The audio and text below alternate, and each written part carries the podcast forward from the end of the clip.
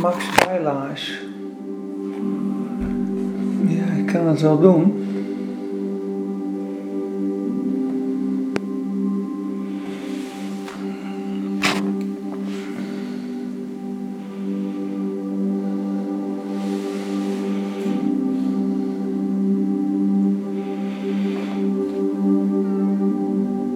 het Maas, hoe is het? Nou, hij doet het niet. We gaan beginnen, jongens. Jullie kunt allemaal terugkijken. Ik neem het op. Ik zet het op Soundcloud.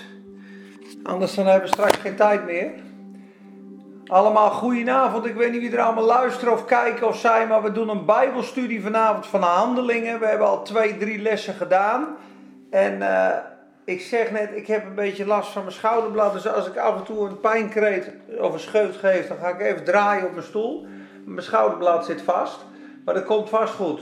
Hi Daniel Koelewijn. Nee, we, gaan, eh, we, we, hebben een paar lessen over het boek Handelingen gedaan. En we gaan vanavond uh, Handelingen 9 behandelen. Of in ieder geval, we gaan kijken waar we naartoe gaan. We, we willen inzoomen op Paulus. Want Paulus, de apostel, die was eerst Saulus. Dat was eerst de vervolger van de kerk.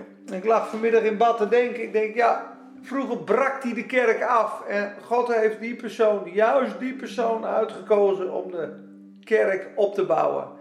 Om de grootste kerkvader van de hele historie te zijn. Want de, je zult zien, het hele boek Handelingen, vanaf hoofdstuk 13 tot aan het eind, hoofdstuk 28, is allemaal over Paulus. En in hoofdstuk 9 wordt hij van zijn paard afgeknald, dat zullen we straks zien. Het was Paulus. Uh, Saulus de vervolger is Paulus, ja, de gemeentestichter geworden.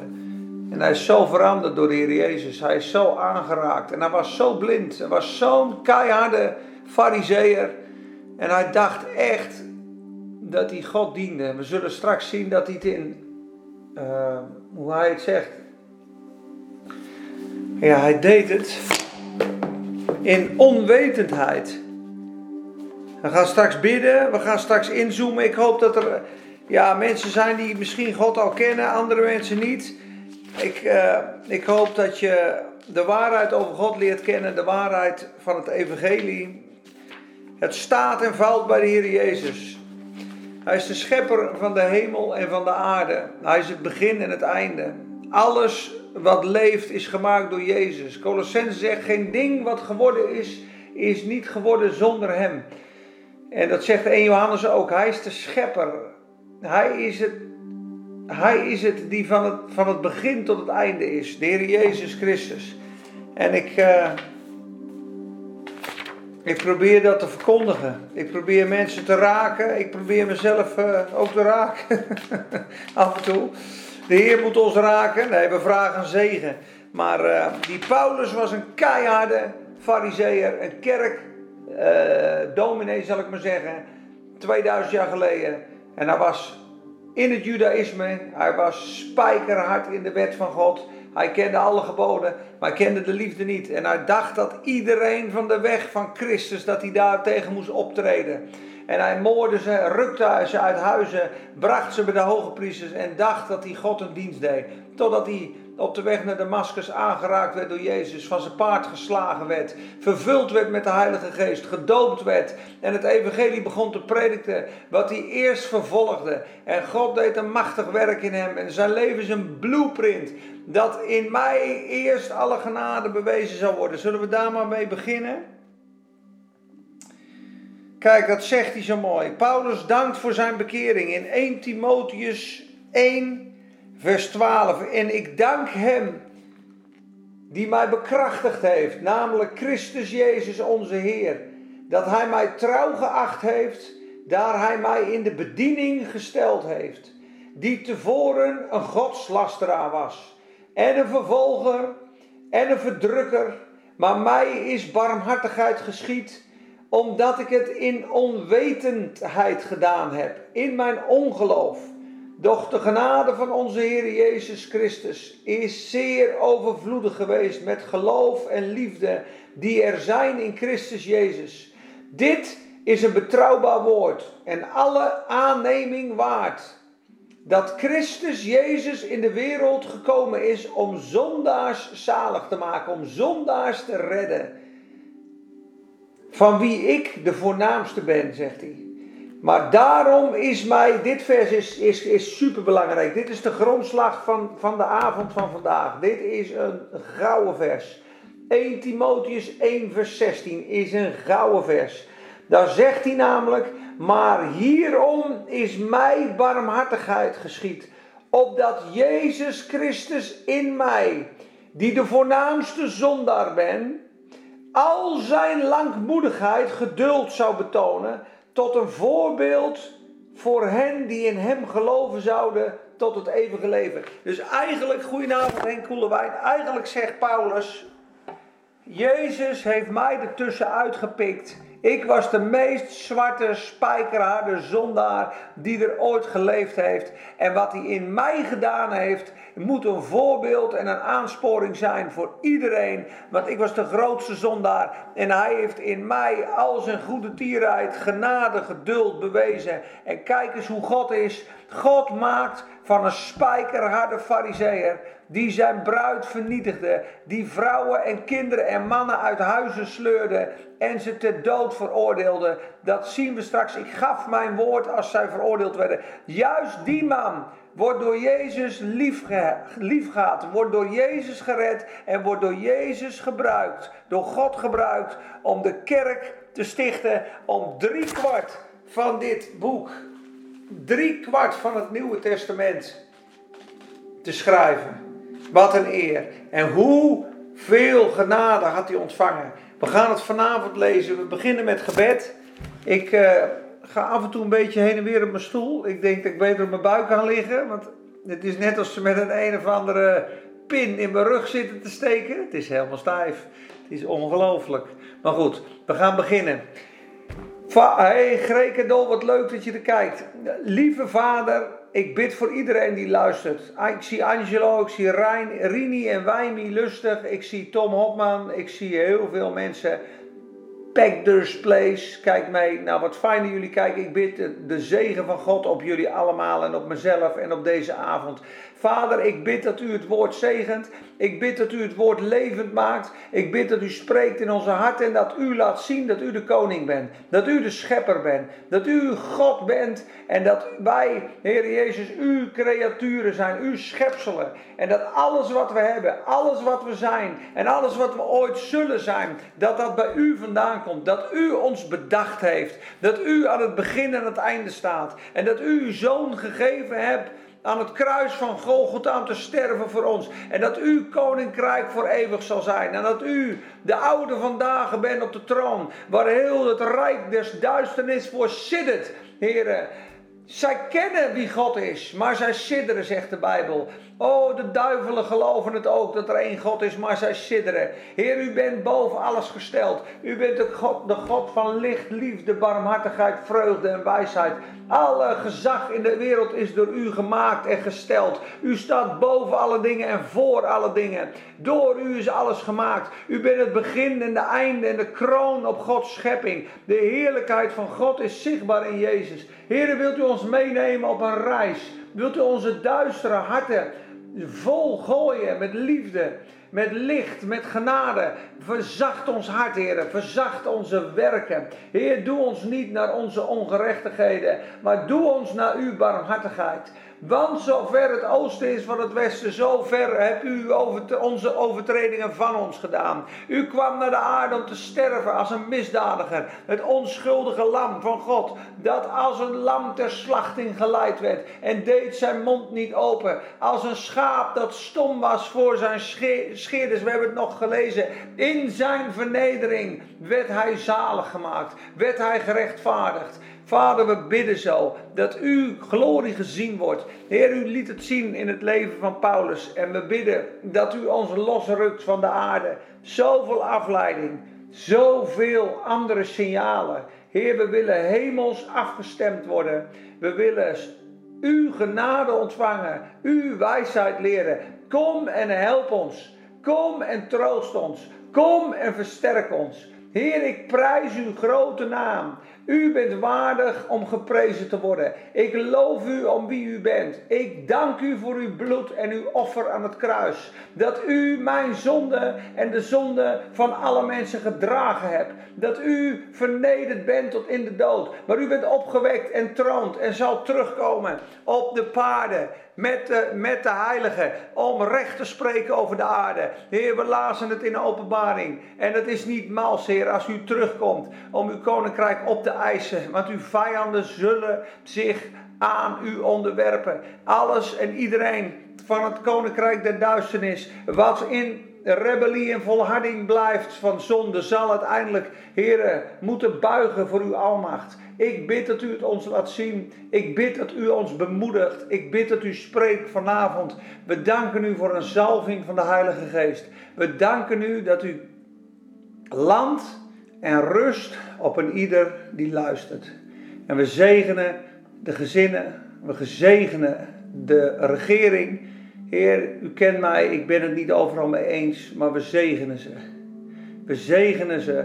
Ook al zouden ze het kwade met ons voor hebben, Heer, we zegenen ze. Ook al hebben ze het moeilijk, we zegenen ze. Vader, we zegenen alle mensen die verstrikt zijn geraakt in het, in het kwaad. En we bidden dat u ze thuis roept en dat ze uw stem mogen verstaan. Ik bid voor de kinderen, ik bid voor de scholen, ik bid voor de burgemeesters, ik bid voor de mensen die ziek zijn en die moeite hebben met het corona en het coronabeleid. En ook mensen die ernstig ziek zijn op de IC's. Vader, laat uw kracht zien. Laat uw almacht zien. Doe iets moois met deze tijd. Maar laat het kwaad de overhand niet krijgen. In de naam van de Heer Jezus Christus. Heb jij jouw betoog op PowerPoint of PDF? Halleluja. Ik zet het op Soundcloud. Amen. Heer, we danken u. We beginnen de avond, jongens. Ik, uh, ik hoop niet dat ik te veel lees. Ik hoor ook wel eens van mensen: praat eens wat langzamer. Dat ga ik proberen. Ik ben een rattel. Ik ga soms snel. Dat komt ook een beetje omdat ik uh, natuurlijk ADHD'er ben en een vrij druk hoofd heb. En als ik heel rustig praat, soms afgeleid word en ik zit hier in mijn eentje voor een scherm. Ik heb weinig respons. In een zaal zou dat beter gaan. Dus af en toe gooi ik me wel eens in de turbo. Tante Jannie vond het niet erg, maar mijn moeder zei: een beetje rustig praten, jochie. Ik zei: Nou, ik zal het proberen. En anders ga ik straks een stripje valium opeten. Dan gaat het ah, wat langzamer. Ja. Oh, ik ga morgen naar de fysio. Oké, we beginnen en we gaan zien waar de Heer Jezus het leidt, waar de Heilige Geest het leidt. Dat is ook voor mensen die Bijbelonderwijs geven. Uh, hou je niet vast aan je notes. Je kan wat dingen opschrijven, wat lijnen. Maar als je, gevoel, als je voelt dat God je leidt naar een bepaald punt, dat daar vrede en leven op is, moet je daar gewoon lekker over door blijven praten. Je kan soms vergaderingpunten hebben, maar het kan heel mooi zijn hoe het geleid wordt. En uh, dus prima. Maar soms is less is more. En je kan lezen wat je wil. Maar het gaat om de ontmoeting met de Heer Jezus. Het gaat dat we Hem kennen. En ik wil vruchtbaar. vruchtbaar worden in het koninkrijk. En je zal ook straks zien dat Paulus, die is net bekeerd, hoe vol gas die er gelijk vol gaat. Ik denk, jongens, hoe kon het toch dat ze die drive hadden? Nou, ik hoop daar vanavond ook antwoord op te geven. In de naam van de Heer Jezus Christus. De bekering van Saulus. Hoofdstuk 9 handelingen. Daar gaan we beginnen. We hadden gelezen over Filippus, die heel Samaria op stelte gezet had. Wonderen en tekenen door Stefanus. En daar gaan we verder. Saulus nu, die de discipelen van de Heer nog steeds brieste van dreiging en moord, ging naar de hoge priester toe.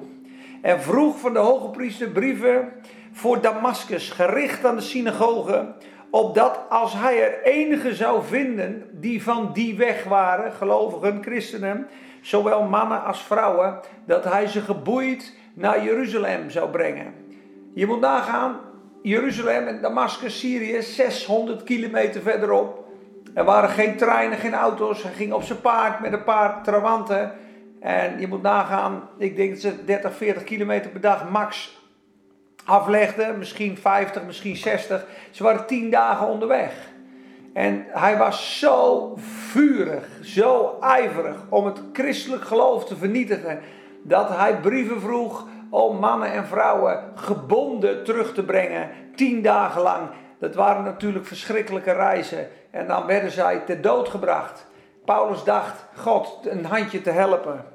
En terwijl hij onderweg was, gebeurde het dat hij dicht bij Damascus kwam. En plotseling omscheen hem een krachtig licht vanuit de hemel. En toen hij op de grond gevallen was, hij was ter aarde geslagen, ja, hoorde hij een stem die tegen hem zei: Saul, Saul, waarom vervolgt gij mij? Jezus manifesteert zich in de kracht van het licht en staat ineens voor Saulus en zegt: Saul, Saul, waarom vervolg jij mij? Waarom maak jij mijn bruid en mijn kinderen dood? Dat is mijn schat. Daar ben ik voor gestorven. Die mensen heb ik gekocht en betaald met mijn bloed. En hij zegt: Het is uw hart de hielen tegen de doornen te, te slaan. Het is u moeilijk en zwaar om je hielen tegen de prikkels te rammen, Paulus. Dat zegt hij. En hij is helemaal verdwaasd. Hij is ter aarde geslagen van zijn paard. En hij zegt: Wie bent u, heren? Dat vraagt hij. Wie bent u, heren? En dan zegt de Heer Jezus dit. Ik ben Jezus die u vervolgt. Het is hard voor u met de hielen tegen de prikkels te, te slaan.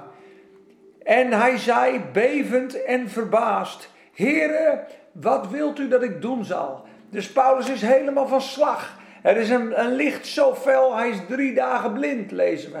Ze moeten hem aan de hand meevoeren en hij komt in Damascus en hij eet en drinkt drie dagen niet. Hij is totaal helemaal van slag. Uit zijn, ja, hoe zal ik het zeggen? Uit het gelid geslagen gewoon. Uit het lood geslagen.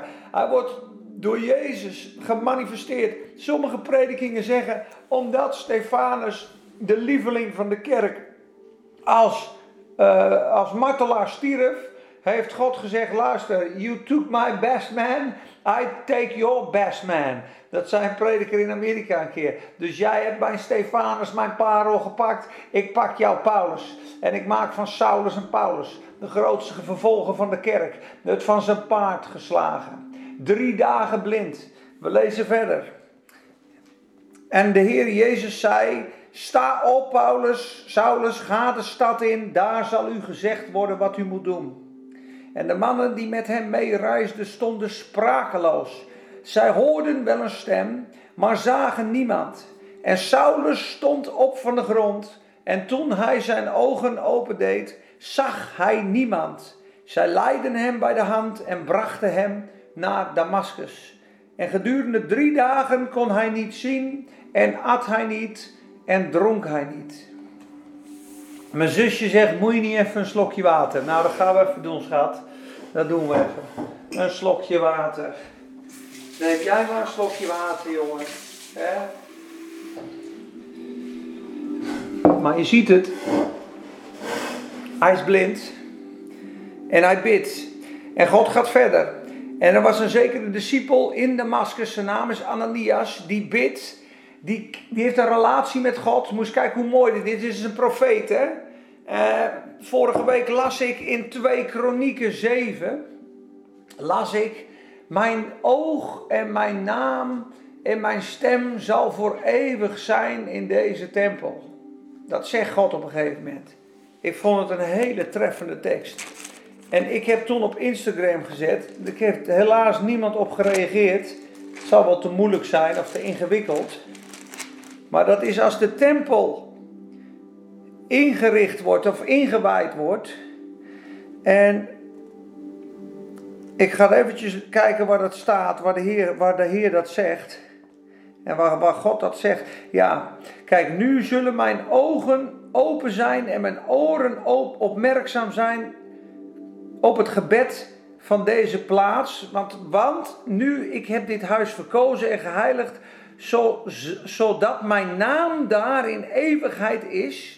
Alle dagen zullen mijn ogen en mijn hart daarin zijn. Dus dit zegt God over de tempel. En toen ik dit las, mijn ogen en mijn hart zullen voor eeuwig daarin zijn. Toen dacht ik, goh, daarom was Anna de profetes natuurlijk dag en nacht in die tempel. Ze was 84 jaar. Ze was van jongs aan zeven jaren getrouwd geweest. Daarna was ze weduwe geworden. Laten we zeggen dat ze met 20 getrouwd is. 27 jaar weduwe. Zij week niet uit de tempel. Diende God met vasten en bidden en smekingen. Dag en nacht. Ik heb dat nooit begrepen. Ik denk dat, dat, dat lijkt wel een beetje een saai leven. Elke dag, dag en nacht. Anna, elke dag. Maar wie wist dat de Heer Jezus kwam? Anna wist het. Wie wist dat de Heer Jezus zou komen als kind? Simeon wist het. Ze hadden een relatie met God. Wie wist dat Sodom zou vernietigd worden? Lot niet, Abraham wel. Was een vriend van God. God wil dat wij een vriendschap met hem hebben en hij wil zijn hart en geheimen met ons delen. Anna de profetes week niet uit de tempel, want ik denk dat ze dit geheim kende. Zijn hart en zijn ogen zijn daar. Het hart van God vind ik in, dat, in die tempel. Ik aanbid hem. Zijn ogen. Ik ga zien met Gods ogen. Ik zie zijn hart. Ik kan hier niet meer vandaan. Misschien de tekst van mijn oma. Die zei: één ding heb ik van de Heer begeerd. Dat zoek ik. Om te onderzoeken in zijn tempel. Om de schoonheid van de Heer te aanschouwen. En te onderzoeken in zijn tempel. Psalm 27, vers 4. Misschien is dat wel het einddoel en het beste wat we kunnen zoeken. Het lijkt zo saai. Het staat ook bij Jozua. Jozua was van een andere geest, staat er. Want hij sliep altijd bij de ingang van de tabernakel. Hij bleef slapen, liggen in de tegenwoordigheid Gods. Hij bouwde daar niet vandaan. God was hun woonplaats. God was hun rustplaats. God was hun alles. En voor die mensen is geen geheim verborgen. Die kennen de wegen van God. We hadden het met Mozes, hè, we het gehoord. Hè, de, de kinderen van Israël kenden zijn, uh, zijn daden, maar Mozes kende zijn wegen. Gods verborgen omgang vinden. Die vertrouwelijke omgang met de Heer Jezus Christus. Met de Heilige Geest. Dat was Ananias. Ananias was ook zo iemand. Dus Ananias, die is in handelingen aan het bidden, die weet van de Heer, de Heer kan dit zo tegen hem zeggen alsof hij een lijntje hebt met de Heer. Hij kreeg een WhatsAppje van de Heer zelf. En er was een zeker discipel in Damascus, van wie de naam Ananias was. En de Heer zei tegen hem in een visioen, zie dat, Ananias. En hij zei, zie, hier ben ik, Heer. Wat een mooie omgang met God. En de Heer zei tegen Ananias: Sta op, ga naar de straat die de rechte genoemd wordt. En vraag in het huis van Judas naar iemand van wie de naam Saulus is uit Tarsus. Want zie, hij bidt. Want zie, hij bidt. Die keiharde, spijkerharde fariseer die vrouwen en mannen en kinderen sleurde uit huizen, is geraakt door de Heer Jezus is blind, eet niet, drinkt niet, maar bidt. Tranen biggelen over zijn wangen waarschijnlijk. Hij komt tot de ontdekking, ik ben zo verkeerd geweest. Ik heb de gemeente van God vervolgd. De Heer Jezus heeft me letterlijk van mijn paard ter aarde geslagen. Ik heb hem gezien. Ik ben met blindheid geslagen. Hij waarschijnlijk gebeden, Heer, wees mij zondag genadig, wees mij zondag genadig. En hij bad en hij bad en hij bad en God verhoorde zijn gebed. En God zegt, Ananias, sta op, ga naar het huis van Judas, vraag naar ene Saul van Tarsen, want zie, hij bidt. En hij, hij, die Saulus, heeft in een visioen gezien hoe jij hem de handen oplegt en dat hij daardoor weer kan zien. Dat heeft hij gezien. Dus God heeft aan Saulus in die blindheid een visioen gegeven tijdens dat hij bad. En hij zag in dat visioen iemand binnenkomen die zijn handen op hem legt en zijn blindheid was weg. Hoe wonderlijk, hoe God met die mens omgaat. En hij heeft in een visioen gezien een man van wie de naam Ananias was, dat die binnenkwam en hem de hand opleggen en opdat hij weer ziende zou worden. Ananias antwoordde echter, heren, ik heb van velen over deze man gehoord. Hoeveel kwaad hij uw heiligen in Jeruzalem gedaan heeft. Het was een vervolger.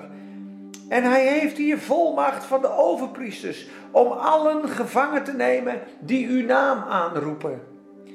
Maar de Heer zei tegen hem: Ga, want deze is voor mij een uitverkoren vat. Een instrument om mijn naam te brengen naar de heidenen en de koningen en aan de Israëlieten. Want ik zal hem laten zien hoeveel hij moet lijden om mijn naam. Misschien dat we dat straks nog lezen in 1 Korinthe, of 2 Korinthe 11 en 12. Anders moet je dat thuis maar lezen. Dan zie je de lijdensweg van Paulus, wat hij allemaal meegemaakt heeft. En Ananias ging heen, ging het huis binnen en na hem de handen opgelegd hebben, zei hij: Saul, broeder, broeder, Saul, broeder. Hey, hij was opnieuw geboren, mensen.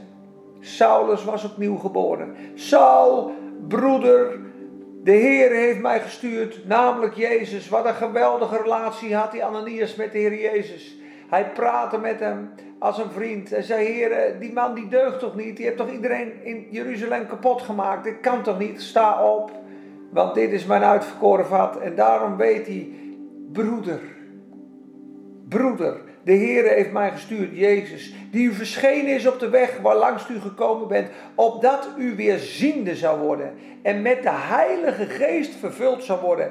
En meteen vielen hem als het ware de schellen van de ogen en onmiddellijk werd hij weer ziende en hij stond op en werd gedoopt.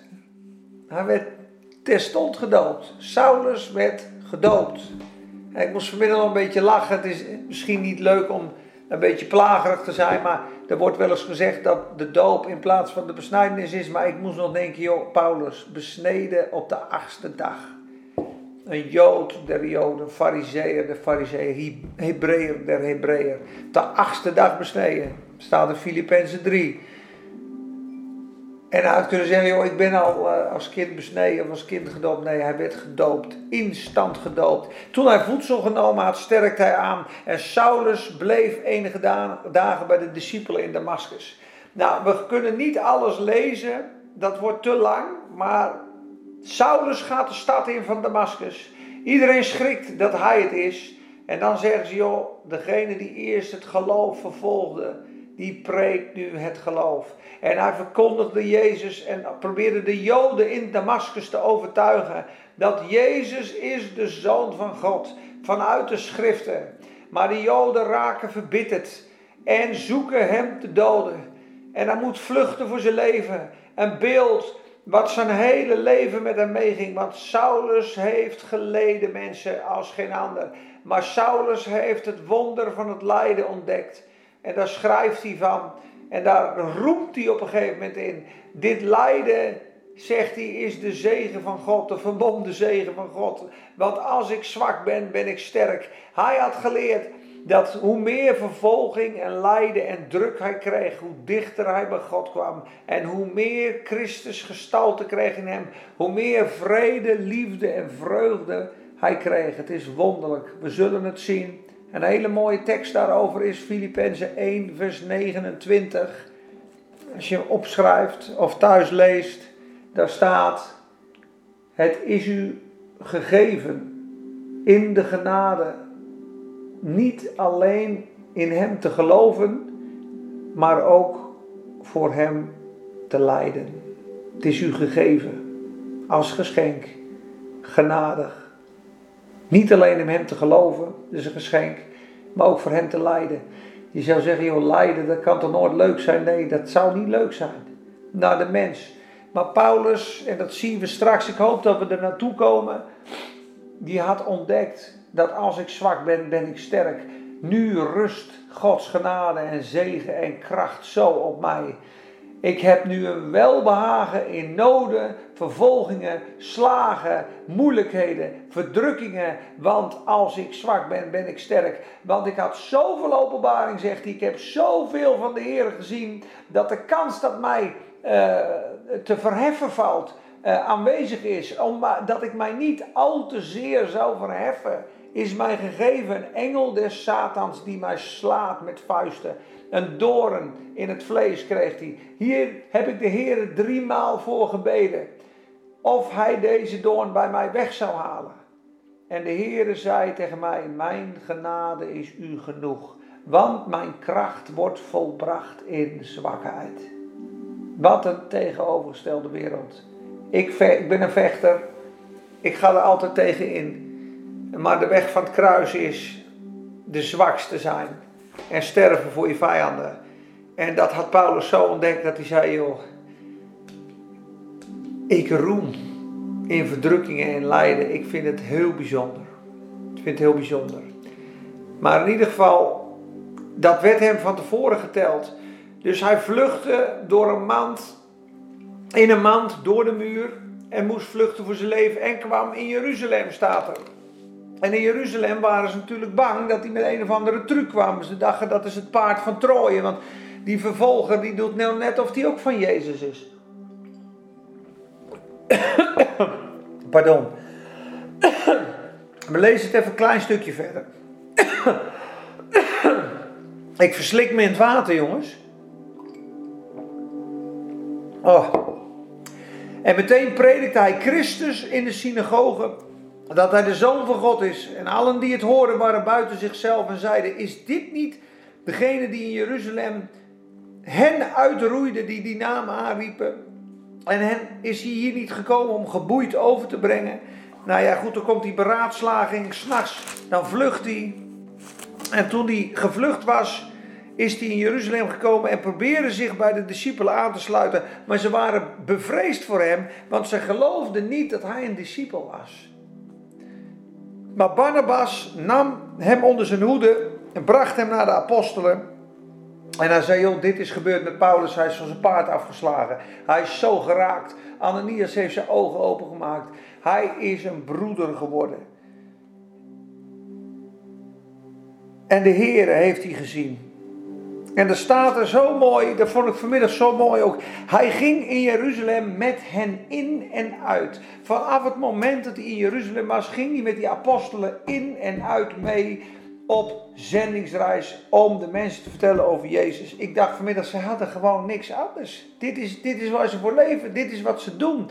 En dan dacht ik eigenlijk aan die zendingsopdracht, dat de Heer Jezus natuurlijk gewoon zegt: Gaat in de hele wereld, predikt het evangelie aan ieder schepsel. En leert en onderhouden al wat ik u geboden heb. Maak de volken tot mijn discipelen. Hey Tish, ben je ook aan het kijken? Wat leuk. Maak de volken tot mijn discipelen. Leert hen onderhouden al wat ik u geboden heb. En zie, ik ben met jullie tot aan het einde der dagen. Die opdracht, die leg ik heel makkelijk naast meneer af en toe. Zo van, ja, oké, ja, je hebt je werk, je hebt dit, je hebt dat. Maar die opdracht, die, die, die apostelen leefden nergens anders voor. Dat was hun harteklop. Dat wat Jezus gezegd had, ga in de hele wereld en preekt het evangelie waar je ook gaat. Maak de volkeren tot mijn discipelen, leert hen onderhouden. Ik ben met u alle dagen. En ze gingen dag in dag uit gingen ze uit om mensen van Jezus te vertellen. Ze hielden niet op te leren dag aan dag, huis aan huis, beide huizen, Jezus te prediken als de Christus. En ze kregen er problemen van, ze gingen door. Ze kregen moeilijkheden, ze gingen door. Straks ook als je Petrus leest. Petrus ging land en stad door. Overal waar hij verkondigde, komt hij dan bij Eneas, hebben we vorige week gehoord. Die wekt hij op. Hij komt in Joppe bij de discipel in. Ik moest van de week nog denken, een discipel in. de bewijs van de opstanding hoefde niet meer geleverd te worden. Ze was al gered, vol van aalmoezen, vol van goede werken. Zij stierf. We hadden kunnen zeggen, laten we er in de armen van God houden. Ze is in de hemel. Toch wordt ze opgewekt. Toch die kracht, jongens. Ze wordt opgewekt. In het boek Handelingen, Petrus wekt haar op zo van, joh, vroegtijdige dood is niet bij het plan van God. Wist je dat de marteldoden in de Bijbel de enige dood zijn dat gelovigen op tijd sterven? Uh, en uh, uh, ziektes, bepaalde ziektes worden opgewekt. Lazarus wordt opgewekt. Jacobus wordt onthoofd. Dat is een heel moeilijk punt. Maar vertel maar eens van één iemand in de Bijbel, onder de 40, die gestorven is als de wil van God en dat ze het zo lieten. Er staat niet in het Nieuwe Testament. De doden werden opgewekt, zieken werden genezen, of ze werden onthoofd als Johannes, of ze werden onthoofd als Jacobus. Er zijn sommige zieken achtergelaten, de, de, te Mileten, uh, dat staat er. Maar toch is de kracht van God ook in Dorcas te vinden, terwijl zij een discipelin was, gered kind van God, vol van aalmoezen en goede werken. En ze werd ziek en zij stierf. En toch stopte het daar niet. Dat is bijzonder. Maar daar staat ook dat Petrus het land, stad en land afreisde met het evangelie te preken. En uh, uiteindelijk stopt hier Paulus in hoofdstuk 9 en dan gaat het verder in hoofdstuk 13 van Handelingen tot aan het eind. Hoofdstuk 13 wordt hij uitgezonden met Barnabas, zondert mij af Saulus en Barnabas naar het werk wat ik voor hun gezonden heb. En dan gaan die zendingsreizen beginnen. 5000 kilometer in het vierkant. 5000 kilometer in het vierkant. 25 miljoen kilometer zonder internet, zonder vliegtuigen, op een boot, te voet, in gevaar van uh, uh, valse broeders, in gevaar op reis, in gevaar van rovers. En hij heeft heel Azië Thessalonica, Rome. Ik heb meer gearbeid dan zij allen. Paulus was één grote, groot vat van liefde, vol van de Heilige Geest, die nergens anders meer voor leefde dan zijn bediening te vervullen in de Heer Jezus Christus. En ik weet dat de Heilige Geest mij zegt dat van stad tot stad mij banden en verdrukking staan te verwachten. Maar ik acht mijn leven als uh, niet waardig uh, om mijn bediening te vervullen die ik heb in de Heer. Dat is Handelingen 20, vers 24. Ongelooflijk. En dan gaat het verder in hoofdstuk 13. De, dan wordt hij uitgezonden. En dan van 13 tot 28 kan je thuis lezen is Paulus. Dus de hele handelingen, de helft van handelingen is, gaat alleen maar over de apostel Paulus. Wat hij doet in die reizen. In, Ler, in uh, Derbe en Lystra. In uh, Antiochië. In Cyprus. Op Malta. Voor de keizer. Voor Festus. Voor Agrippa. Wat een leven. Daar zie je dus hoe God hem gebruikt. Om alles op te richten. Daarna schrijft hij de Romeinenbrief. De brief. De Korinthebrief. 2 Korinthe, Galaten, Efeze, Filippenzen, Colossense, 1 Thessalonicense, 2 Thessalonicense. Hij schrijft Titus, hij schrijft uh, nee, Philemon niet, hij schrijft uh, Timotheus en hij schrijft hoogstwaarschijnlijk ook de Hebreeënbrief. 100 hoofdstukken. Wat een pilaar is deze man geworden die eerst de kerk vervolgde. Is toch bijzonder. En die apostel Paulus is het voorbeeld voor de gelovigen. Nou, hij zegt, zoals ik Christus navolg, zo moet je het doen. En ze verheerlijkte God in mij. En hij was zichzelf kwijt. En uh, wat ik wil lezen is een klein stukje over zijn vervolgingen die hij had. En hoe hij daarmee omgaat. En dat is in 2 Korinthe 11. Als we daar naartoe gaan, want dat handelingen dat kun je lezen, Romeinen kun je lezen, 1 Korinthe. Als je naar 2 Korinthe 11 komt, dan wordt hij op een gegeven moment ook uh, aangevallen door andere leraars. Joh, die Paulus is niet echt een apostel en uh, dat zit allemaal niet goed met hem. Maar uh, hij gaat dan op een gegeven moment zeggen wat hij allemaal meemaakt. En dan moet je maar eens lezen. Roemen in veel lijden staat erboven. Roemen, juichen, alsof je de lotto wint in veel lijden. En dat is 2 Korinthe 11, vers 16. Ik lees een stukje en let op, Paulus wil dit eigenlijk niet doen. Hij zegt, joh, laat ik dan één keer dwaas zijn. Laat ik jullie dan één keer vertellen hoe mijn leven eruit ziet. En ik was toen wel eens een beetje depri, van het zeuren, van het klagen, van murmureren. Ik denk, jongen, jongen, het is toch zwaar, het is toch moeilijk. En als je dan dit leest, dan denk je, jongen, hou je mond toch. Het is toch allemaal niks wat je meemaakt. Roemen in veel lijden. Nogmaals zeg ik, Laat niemand denken dat ik dwaas ben. Als u dat toch doet, ontvang mij dan maar als een dwaas, zodat ik ook een beetje zou mogen roemen. Zal ik een beetje roemen, zegt hij. Wat ik nu zeg, zeg ik niet overeenkomstig de wil van God, maar als in dwaasheid. wanneer het gaat om dit punt van roem, omdat velen roemen naar het vlees, naar hun eigen kracht, hè, naar hun eigen uh, menselijke inspanningen. Zal ik ook eens roemen? Zal ik het één keer doen, zegt hij. Wat u verdraagt met genoegen de dwazen, u, u bent immers zo wijs. Joh, dit is niet de wil van God, maar ik ga het één keer doen, zegt hij. Want u verdraagt het als iemand u tot slaven maakt en u verslindt. Tot mijn eigen oneer zeg ik. Wij zijn zwak geweest, et cetera, et cetera. En dan begint hij. Zijn zij Hebreeën, die echte apostels? Ik ook. Zijn ze Israëlieten? Ik ook. Zijn ze nageslacht van Abraham? Ik ook. Zijn ze dienaars van, dienaars van Christus? Ik spreek als een waanzinnige, zegt hij. Ik sta boven hen.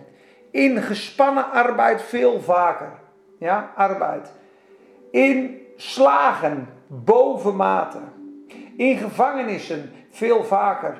Vaak in doodsgevaar. Van de Joden heb ik vijfmaal veertig min één zweepslagen gehad. De veertigste slag was je dood. Hadden ze uitgerekend. De veertigste slag was je dood. 40 min 1 is dan leef je nog net. Dan ben je zo afgeranseld dat je botten naar je staren. Ik denk dat je er weken van herstellen bent, misschien wel maanden. Vijf keer heb ik de 40 min 1 gehad van de Joden om hem tot zwijgen te brengen. Toch was de kracht van de Heilige Geest en het woord in Paulus zo sterk, zo krachtig. Hij hield niet op.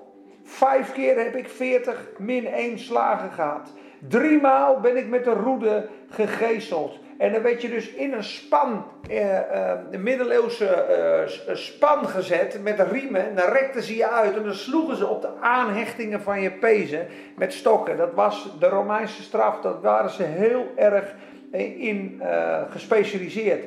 Driemaal ben ik met de roede gegezeld. Eenmaal ben ik gestenigd. De volgende dag preekte die weer. Lees het in de handelingen.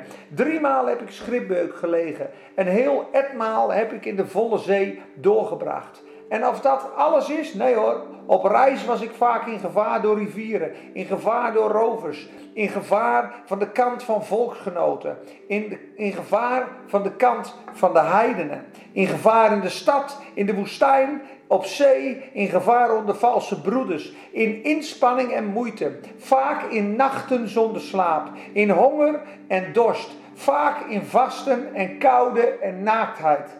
Afgezien wat van buiten afkomt, overvalt mij dagelijks de zorg van alle gemeenten. Als iemand zwak is, zou ik dan omwille van hem niet zwak zijn? Struikelt iemand, zou ik dan niet branden van verontwaardiging? Heb ik niet het recht om boos te zijn, om geërgerd te zijn, om te gaan zeuren, zegt hij. Hij doet het niet. Hij had kunnen zeggen, ik zit toch in de zegen van God.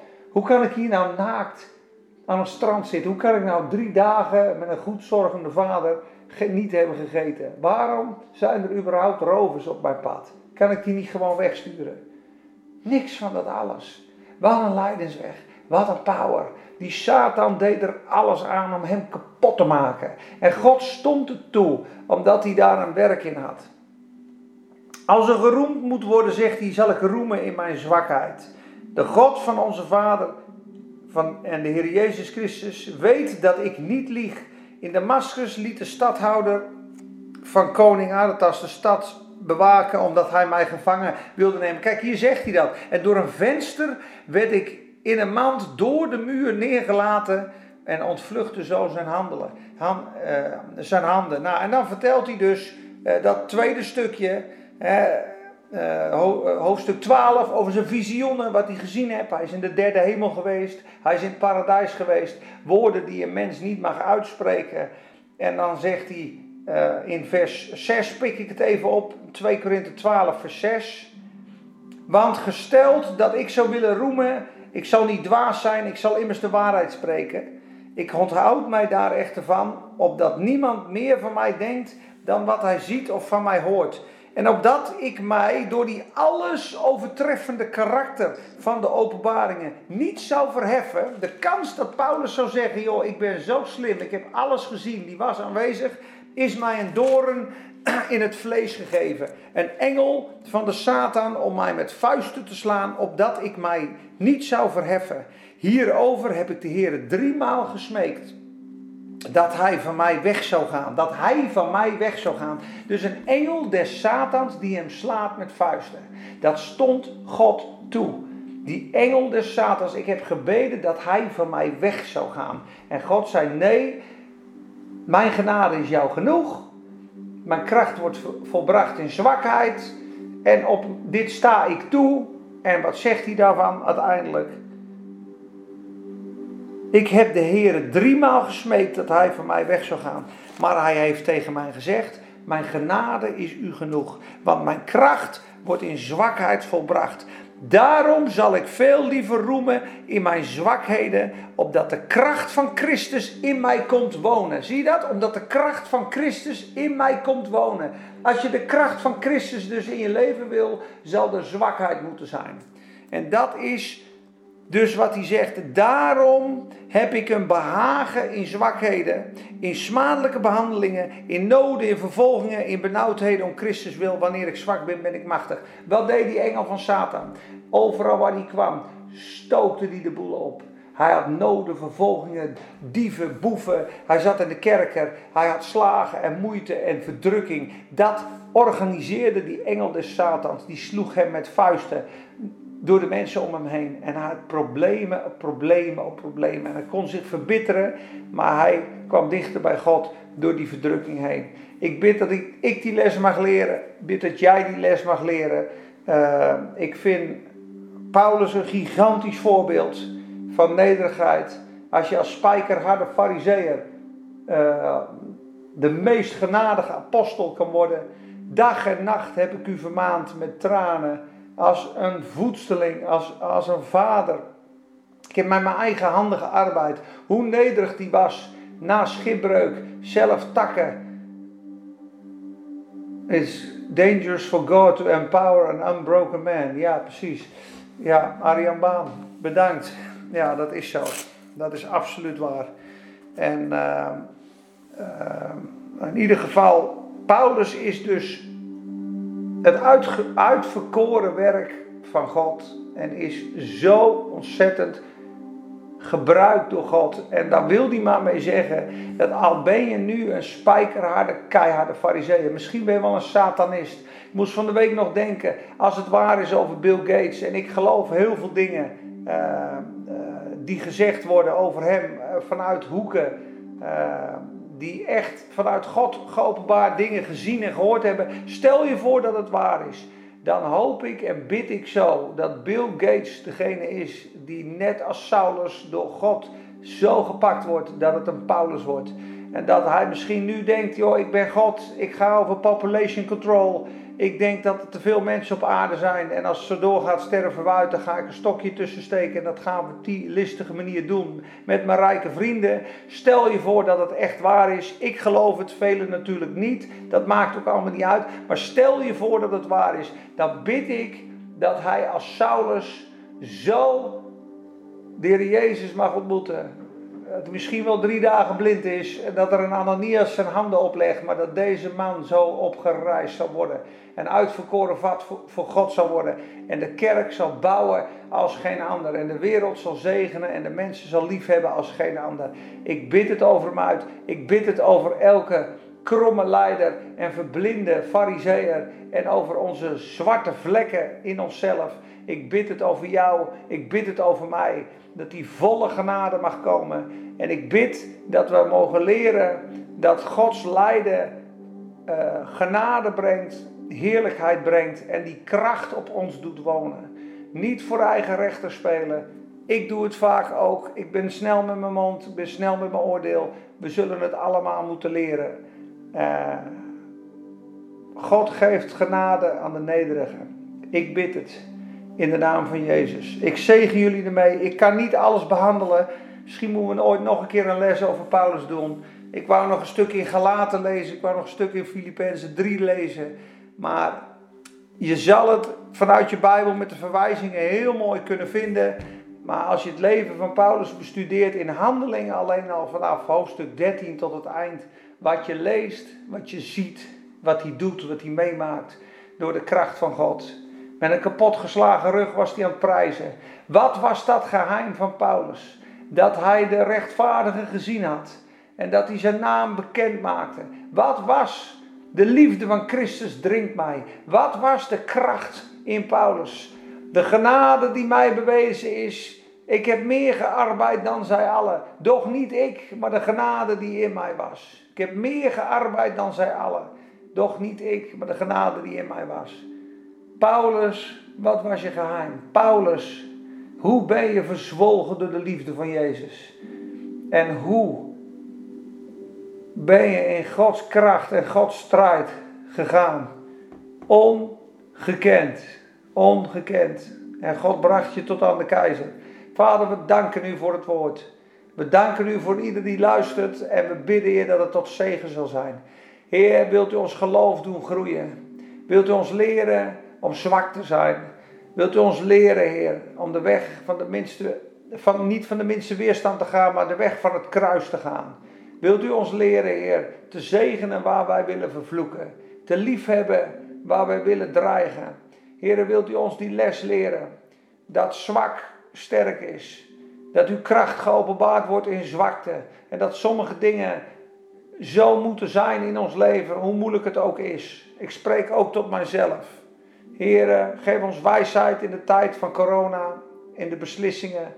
Ook al zijn we het er niet mee eens, ook al hebben we het gevoel dat we misschien belazerd worden. Heer, geef ons wijsheid, geef ons de juiste houding. Maar laat ons ook niet politiek correct zijn. Laat ons ook niet naïef zijn. Laat ons ook niet onze schouders ophalen of een struisvogel zijn en uh, het allemaal maar afschuiven. Heer, wilt u ons zo gebruiken dat we tot zegen zijn voor het land, dat we tot zegen zijn voor het gezin, dat we tot zegen zijn voor uw naam. Versterk ons geloof, verfris ons, vul ons met de Heilige Geest.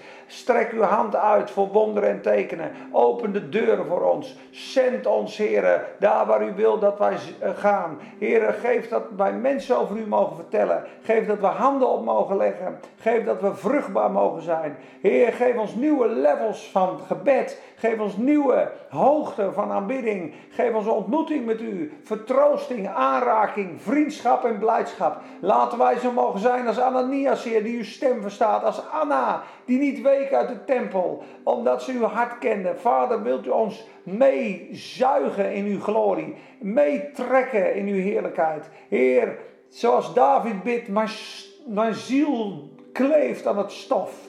Verkwik mij naar uw gerechtigheid en uw woord. Maak mij los. Heer, Quicken us and we shall call upon you. Geef ons die aanwakkering en opstandingskracht in onze geest en binnen, binnenste. Dat we opstijgen en voor de troon zijn in aanbidding en liefde. En vanuit uw hemelse realiteit uw koninkrijk brengen op aarde. Met kracht, liefde, gezag en wijsheid.